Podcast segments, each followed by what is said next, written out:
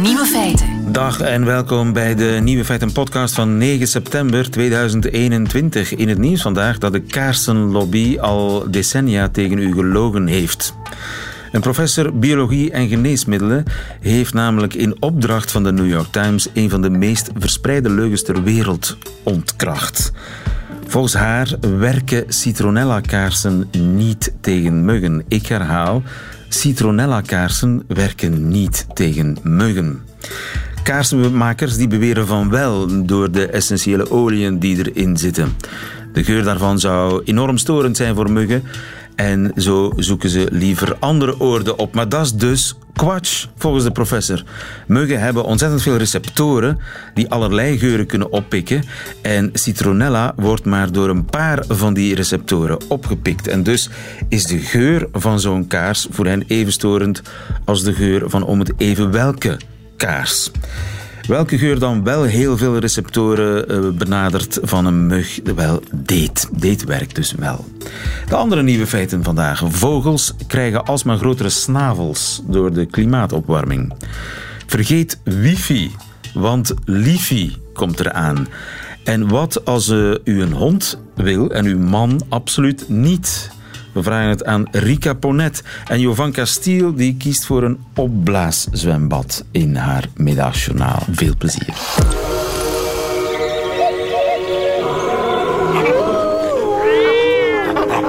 Nieuwe feiten. Vogels krijgen een steeds grotere bek. Wellicht komt dat door klimaatverandering. Dat ontdekte Marcel Klaassen. Goedemiddag, Marcel Klaassen. Of goedenavond voor jou, want jij zit uh, in Australië. Ik zit in Australië en hier is het avond. Maar uh, goedendag, dan ja. zijn we sowieso goed. Ja, ecoloog in Australië aan de Deakin Universiteit. In de buurt van Melbourne is dat in Australië. En uh, jij hebt samen met je team aangetoond dat dieren zich nu al fysiek aan het aanpassen zijn aan de klimaatopwarming. Ja, dat klopt. Je ziet dat uh, over de afgelopen 50 jaar dat uh, vogels en uh, zoogdieren die warmte kwijt moeten. En dat doen ze dan vogels door hun bek en door hun poten, want dat zijn de plekken die, die geen veren hebben. En zoogdieren kunnen dat bijvoorbeeld door via hun oren wat meer warmte kwijtraken, dat die steeds langer wordt. Het gaat maar om een paar procenten, maar het is wel een feit. Dus bekken poten, oren, dat wordt alsmaar groter. En niet alleen dus bij uh, vogels, maar ook bijvoorbeeld, ik zeg zo maar iets, vleermuizen. Ja, dat klopt. Kijk, als je warmte kwijt wil, dan kun je dat door je extremiteiten. Dus dat zijn dus je oren, die potiesnavels. Met name die plekken die niet zo goed geïsoleerd zijn. Uh, door veren of door, door een vacht. Door, door daar extra bloed naartoe te brengen, kun je op die manier uh, warmte kwijtraken. Dat zijn dus een soort warmtewisselaars. En uh, die, worden, die zijn steeds meer nodig nu het klimaat opwarmt. En dat gaat dus kennelijk wel heel snel. Die. Ik wist niet dat Darwin zo snel kon gaan. Precies, evolutie, dat weten we natuurlijk als het gaat om virussen. Dat kan heel erg snel gaan. Maar uh, ja, ook bij uh, zoogdieren en bij vogels kan dat ook heel snel gaan. Mits de, wat we noemen, de selectiedruk, dus het belang van die aanpassing, heel erg groot is. Ja. En dat is dus iets wat ons wel een beetje zorgen baart. Uh, en eigenlijk ook verbaasd. Kijk, we dachten, nou, als je klimaatopwarming hebt, dan moeten dieren die het uh, te warm hebben, die moeten dat kwijt. Die passen hun gedrag aan, maar misschien ook wel hun, hoe ze eruit zien, hè, hun vorm. En uh, tja, dat blijkt dus inderdaad zo te zijn. Miniem, maar het is er. Ja, en, en dat betekent dus dat het heel erg belangrijk is voor die dieren. Dat de druk heel groot is. Ja. En is dat overal ter wereld ongeveer dezelfde druk in gelijke mate? Je zit in Australië, is het daar uh, duidelijker, voelbaar? Nou, er zijn hier in Australië aardig wat studies aan gedaan. En hier zijn vanuit Australië hebben we dus aardig wat voorbeelden. Bijvoorbeeld bij papegaaien, dat die bekken groter worden. Um, het is natuurlijk daar waar de nood op zijn hoogst is. Dus daar waar er sowieso al een warm klimaat is. Daar zie je het eerder, daar zie je het meer. En dus in Australië zie je het meer dan elders?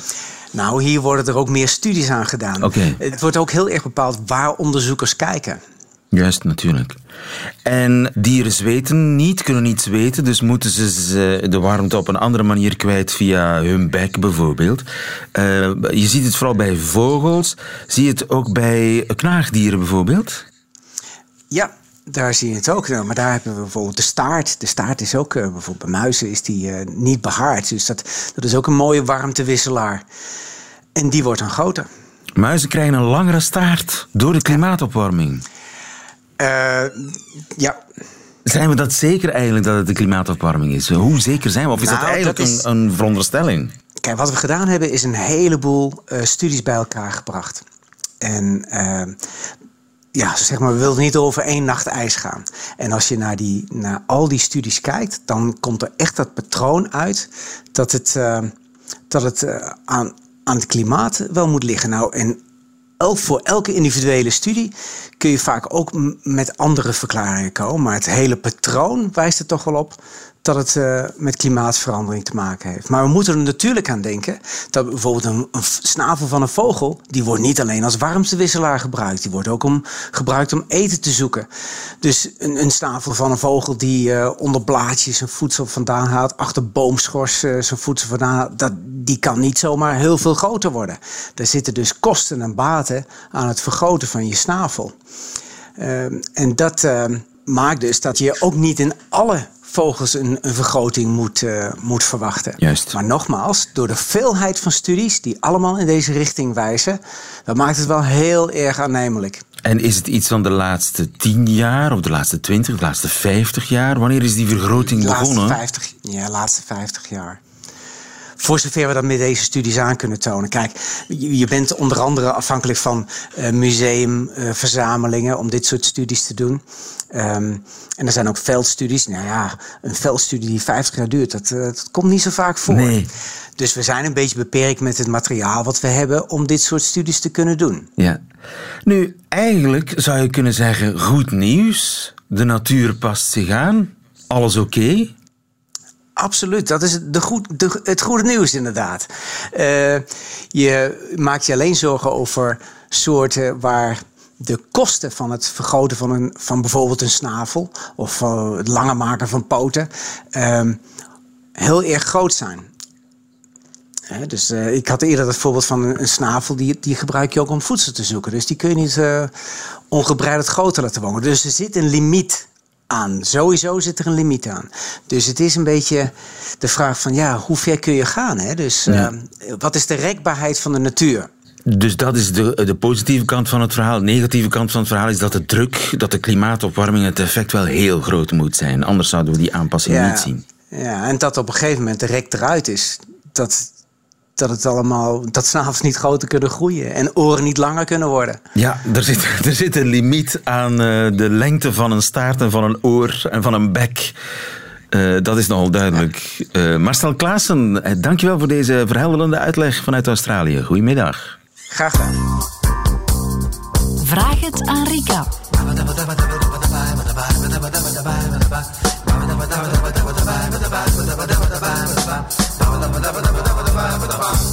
En er is massaal gereageerd op uh, onze oproep Vraag het aan Rika om uh, al uw relationele kwesties en moeilijke dilemma's en door te hakken knopen voor te leggen aan uh, relatiedeskundige Rika Ponnet. Er zijn stapels brieven en e-mails binnengekomen. Dag Rika. Hallo.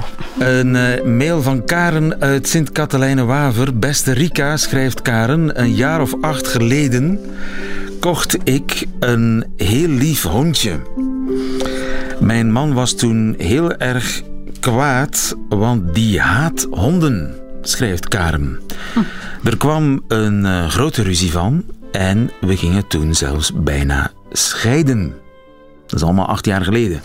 Maar ikzelf en mijn dochters, wij waren dol op onze schattige Boris, die helaas vorige week is gestorven.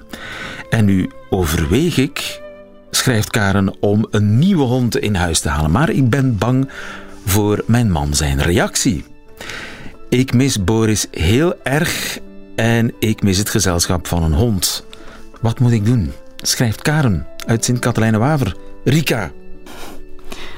Uh, een padstelling heb ik uh, de indruk, even. Um, ja, de vraag op het eerste zicht lijkt zo'n beetje... Um, ik ben samen met iemand die honden haat en ik wil heel graag een hond. Ja. En uh, hoe lossen we dat op? Ja, en vooral dat ze acht jaar geleden gewoon een hond gekocht, gekocht heeft. heeft ja. Desondanks. Desondanks. Dat lijkt um, mij echt een, een, een soort van oorlogsverklaring. Het is op zijn minst een vertrouwensbreuk. En ik denk... Um, ja, dat de reden waarom ze uiteindelijk bijna gingen scheiden zeker niet zal geweest zijn omwille van het feit dat Boris er was.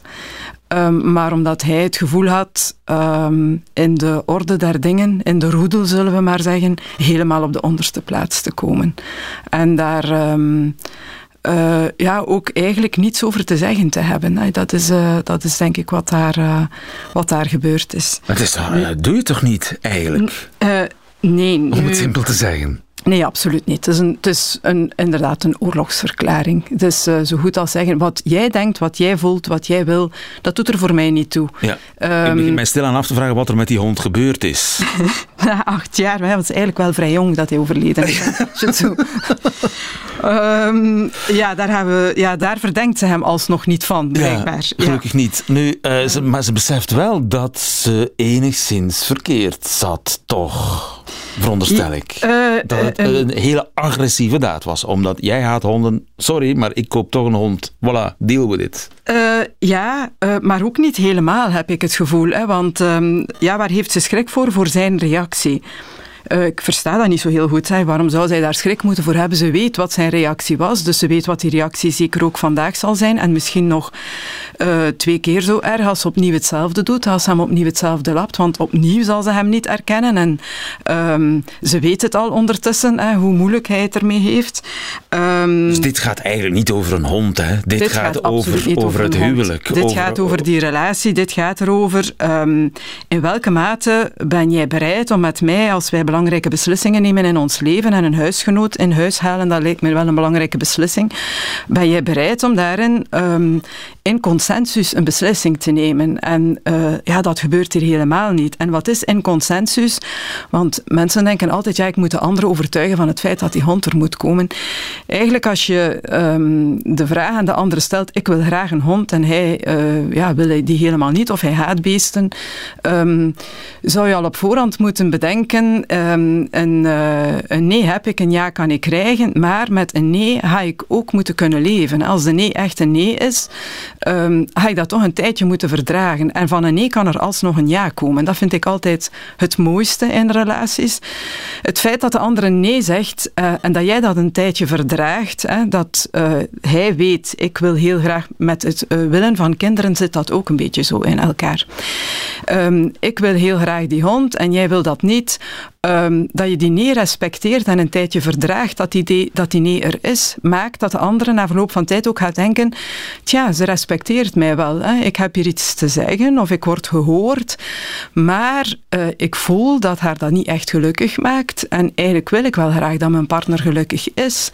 En uh, misschien geef ik haar dat dan wel. Hè. Misschien laat ik mijn haat tegenover die honden of mijn reserves tegenover het hebben van kinderen varen en uh, samen komen we dan tot die beslissing. Oké, okay, we gaan ervoor. Hè. Ik zet het even opzij of ik probeer dat. Of ik wil dat op zijn minst een kans geven. Of ik hun jou dat en ik ga daarin mee. En dan is dat een heel ander verhaal dan uh, thuiskomen en verwachten. Hier is Boris. Uh, jij hebt Boris te nemen zoals hij komt. En uh, wat je daar eigenlijk over denkt, dat doet er voor ja. mij niet toe. Dus er moet eigenlijk gezorgd worden naar een compromis. Er kan eventueel over een ander dier onderhandeld worden. Zoiets, ja. Nu, onderhandelen en compromis, dat zijn zo woorden die ik al niet zo heel graag hoor. Ik denk, een compromis lijkt altijd alsof er een soort van verlieservaring bij een van beiden is. En dat, en dat hoeft ook niet. En onderhandelen, dat verzandt ook heel snel in wel eens niet. Dat eindigt dat, bij een goudvis in deze. Ja, en, dan, waar niemand, en, en niemand, en waar niemand gelukkig mee is. Um, ik merk toch vaak dat het veel meer gaat over. Ik herken uh, wat de andere daarin wil of niet wil.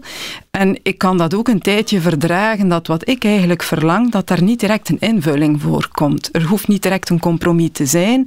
We kunnen toelaten dat er iets op tafel ligt wat verschillend is. En we verdragen dat.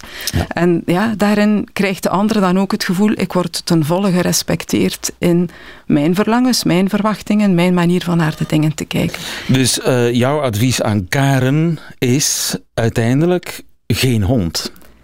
Uh, praten over die hond. Ja, um, en desnoods even wat je? hondenverlangen on hold zetten ja, het eventjes verdragen dat, uh, dat het er is.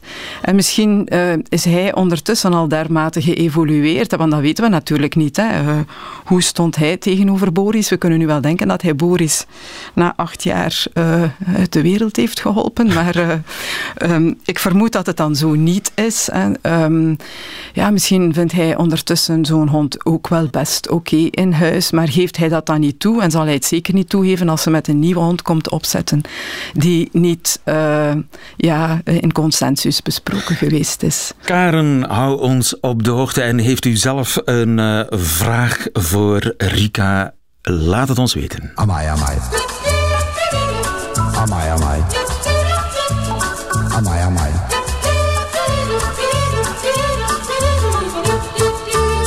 Feiten. En een nieuw feit van formaat, want dit iconische lied had bijna niet bestaan.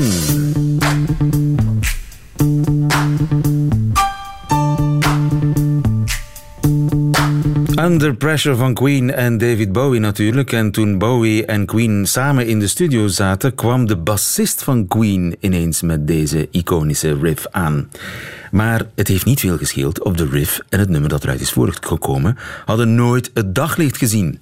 Zo is te horen in een nieuw filmpje op het YouTube-kanaal van Queen. Diggy, of course, came up with this riff. Ding, ding, ding, ding, ding, ding. He kept playing that over and over and over again.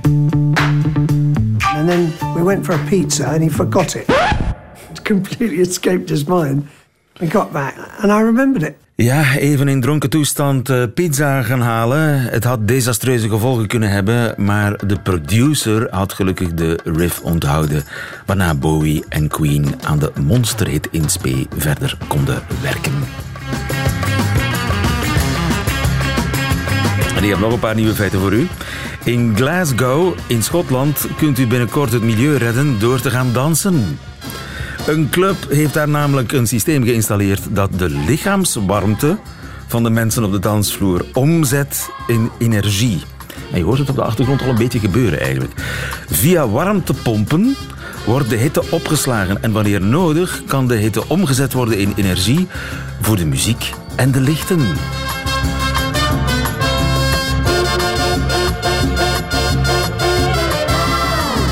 Er is nog verbijsterend nieuws. Het demonstratieduel tussen de Amerikaanse bokslegende Evander Holyfield en de Braziliaan Vitor Belfort. Die wordt van speciaal commentaar voorzien, dat duel, dat wordt van speciaal commentaar voorzien door de Amerikaanse ex-president Donald Trump. Samen met zijn zoon Donald Trump Jr zal de voormalige wereldleider het gevecht zaterdag in het Hard Rock Hotel en Casino van eh, Hollywood in Florida analyseren en bespreken. De oud-president is niet onbekend met boksen. In zijn vroegere casino's in Atlantic City vonden geregeld profduels plaats.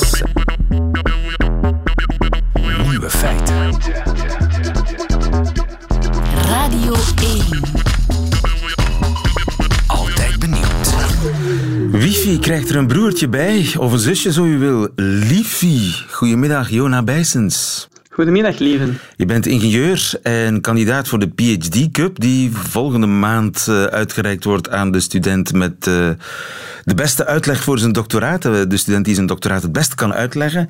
Jij doet eraan mee en jouw doctoraat dat ging over Lifi. En meer bepaald over de praktische toepassing van Lifi in mijn huiskamer. Is dat nu de opvolger van Wifi, Lifi? Wel, ik zou het zien als een opvolger waarin dat we zowel wifi als lifi gebruiken. Het is een aanvulling, meer dan een opvolger eigenlijk. Ja, klopt. Want ik vind wifi fantastisch. Maar uh, soms ben ik er heel kwaad op, want niets is zo frustrerend als een wifi die plotseling uitvalt of hapert. En ja, dingen waar je zo aan gewoon bent, namelijk een telefoon of een laptop die op wifi zit, ja, dat werkt dan plotseling niet meer. Ik vind dat heel frustrerend. Dat kan ik me inbeelden. Ik, ik vind dat ook heel frustrerend. En daarom heb ik uh, naar een oplossing gezocht om dat eigenlijk te verbeteren. Aha. Liefie, heb je dat zelf uitgevonden? Wel, het concept bestaat al uh, enkele jaren. Um, het is eigenlijk al een heel oud concept als we teruggaan in de tijd. Vroeger gebruikten we morsecode om met elkaar te praten van op verre afstand.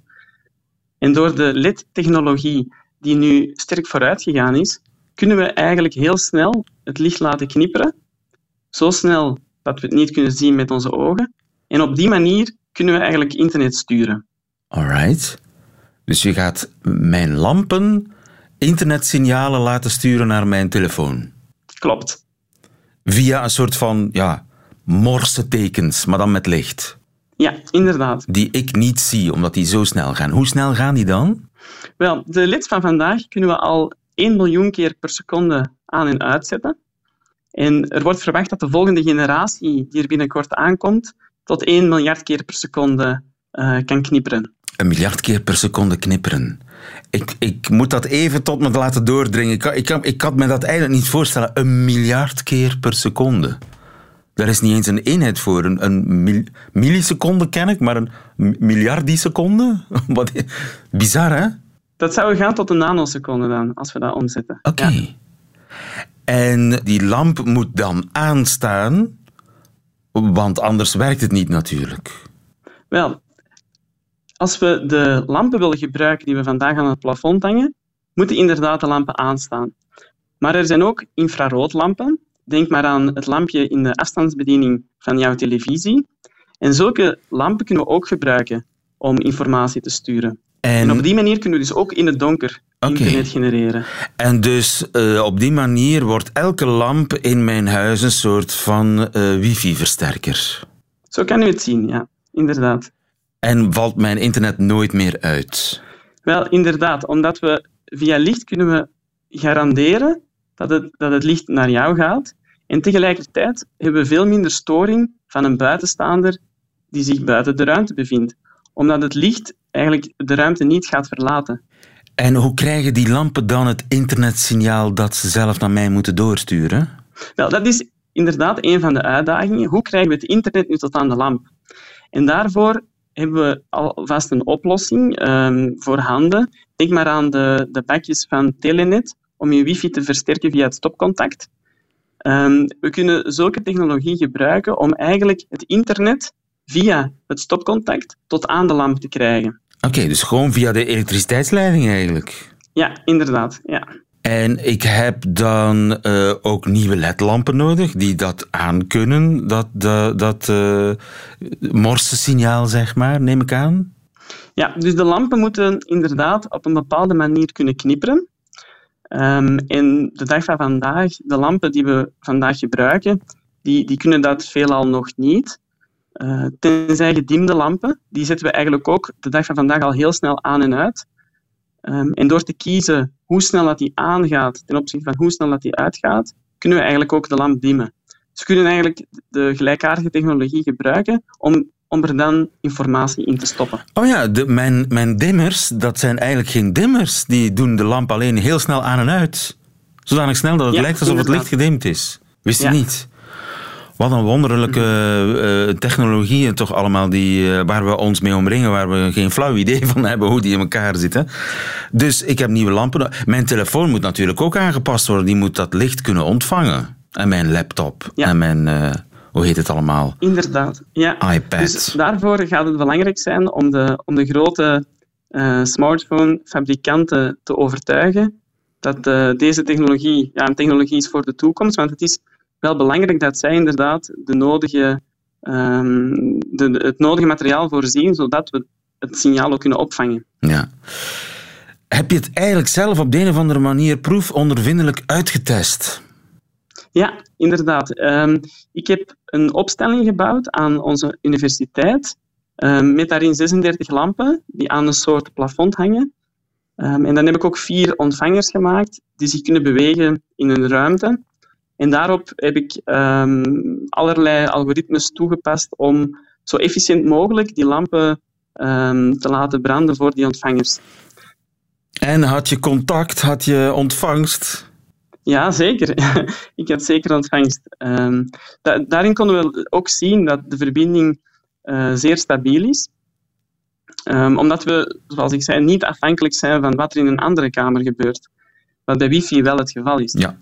Elke kamer heeft zijn eigen wifi. Een beetje vergelijkbaar met de met signaalversterkers die, die in veel eh, huizen al aan het werk zijn. Hè? Ja, alleen soms die signaalversterkers die maken soms het probleem alleen nog maar erger. Want soms bij wifi hebben we een netwerk dat al overbelast is, doordat er heel veel mensen op de wifi zijn. En als we dan een signaal gaan versterken, dan gaat de buur naast mij alleen nog maar een slechter signaal krijgen. Waardoor het soms negatieve effecten kan hebben. Dus En dit eh, is bij Lifi niet. de gezinsleden pakken elkaar signaal af. Als Ja, zo kan u het zeggen, ja. En Ja, bij Lifi is dat niet. Klopt. Komt er ooit Lifi in elk huis, denk je?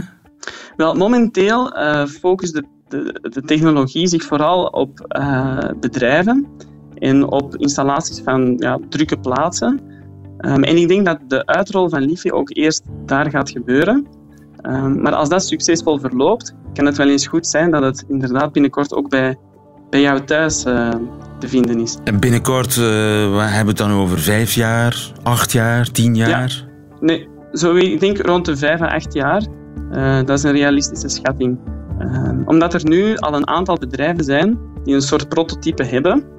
Ehm, weliswaar nog met een soort USB-stick dat in de laptop gestoken moet worden. Ehm, maar er zijn dus de eerste prototypes zijn er. En het is nu de uitdaging om het sneller te maken. En eh, goed te kunnen integreren met de bestaande oplossingen die we al hebben. Ja, over een jaar of acht eh, komt eh, het internetsignaal vanuit uw lamp via Lifi. Dankjewel, Jona Bijsens, en veel succes met de PhD Cup volgende maand. Goedemiddag. Dankjewel, graag gedaan.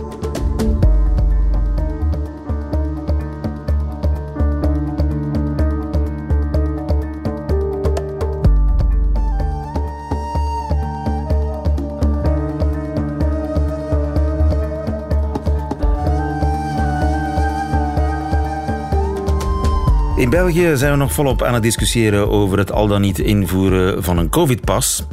Maar in Vietnam gaan ze nog een stap verder. Daar kreeg een man een celstraf van vijf jaar omdat hij de coronaregels overtrad. Lee Van Trie, zo heet hij, zou acht mensen besmet hebben en één van die mensen overleed uiteindelijk ook aan de gevolgen van het coronavirus. En dat is onaanvaardbaar, oordeelde de rechter en veroordeelde de man meteen tot een celstraf. Vietnam heeft de epidemie lang onder controle kunnen houden, maar de voorbije weken gaat het er de slechte kant uit. En de overheid doet er alles aan om het aantal besmettingen te beperken. En iemand vijf jaar opsluiten is natuurlijk de ultieme vorm van quarantaine. Seks met covid-patiënten is geen goed idee, dat lijkt logisch, maar de Nieuw-Zeelandse premier heeft het eh, gisteren op de nationale televisie moeten herhalen. Tijdens de dagelijkse coronapersconferentie daar stelde een journalist een vraag over een gênante situatie in een ziekenhuis in Auckland. Daar werd een coronapatiënt betrapt terwijl hij seks had met een bezoeker. Geen slim idee volgens de premier, zelfs als je geen corona hebt. I would say generally, regardless of the COVID status, that kind of thing shouldn't generally be part of visiting hours, I would have thought. Ja, dus tijdens het bezoekuur geen seks. Althans, eh, volgens de premier van Nieuw-Zeeland.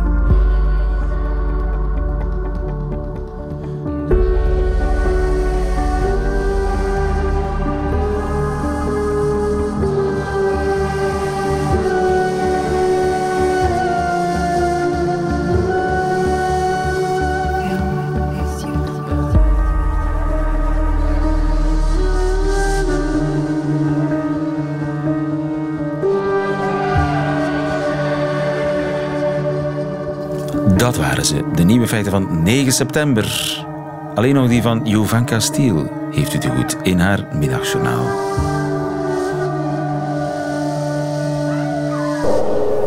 Nieuwe feiten.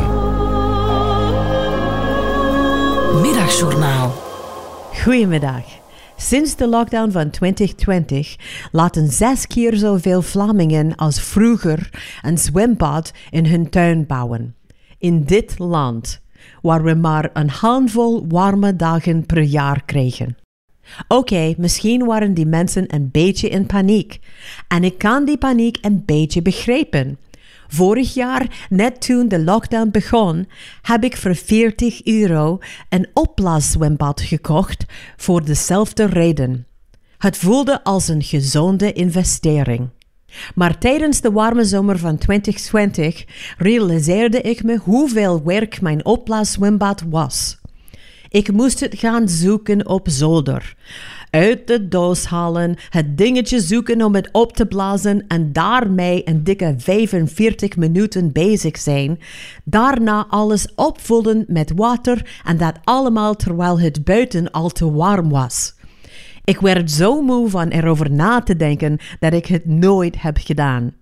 Dat is de reden waarom mensen die het geld ervoor hebben zwembaden laten bouwen. Een echt zwembad staat voor je klaar elke dag dat het warm is en de zon schijnt. In Vlaanderen is dat misschien twee weken per jaar, maar je hebt er zoveel geld aan uitgegeven. Dus moet je het zwembad de hele dag dat het warm is gebruiken, of je dat wilt of niet. Ik zit al tien uur in het zwembad. Ik denk dat ik naar binnen ga. Wat? Hoeveel geld hebben wij aan Willy Nasens betaald voor dit zwembad? We blijven van ons zwembad genieten tot het donker is. En dus worden die mensen slaaf van hun zwembad en beginnen ze afspraken af te zeggen. Hallo, sorry, maar we kunnen niet naar de begrafenis komen deze zaterdag. Volgens Sabine Hagedoren is er 15% kans op zon, dus de kans bestaat dat we kunnen zwemmen enige deelneming. En dus blijven de zwembadeigenaars de hele dag thuis, klaar in hun badpakken, klaar voor het moment dat de zon een beetje schijnt. Ja, kom aan snel, de zon is daar. We hebben nog zeker drie minuten voordat de wolken terugkomen. Snel, in het zwembad. Nee, daarmee vergeleken lijkt mijn opblaaszwembad van 40 euro een echte droom. Tot morgen.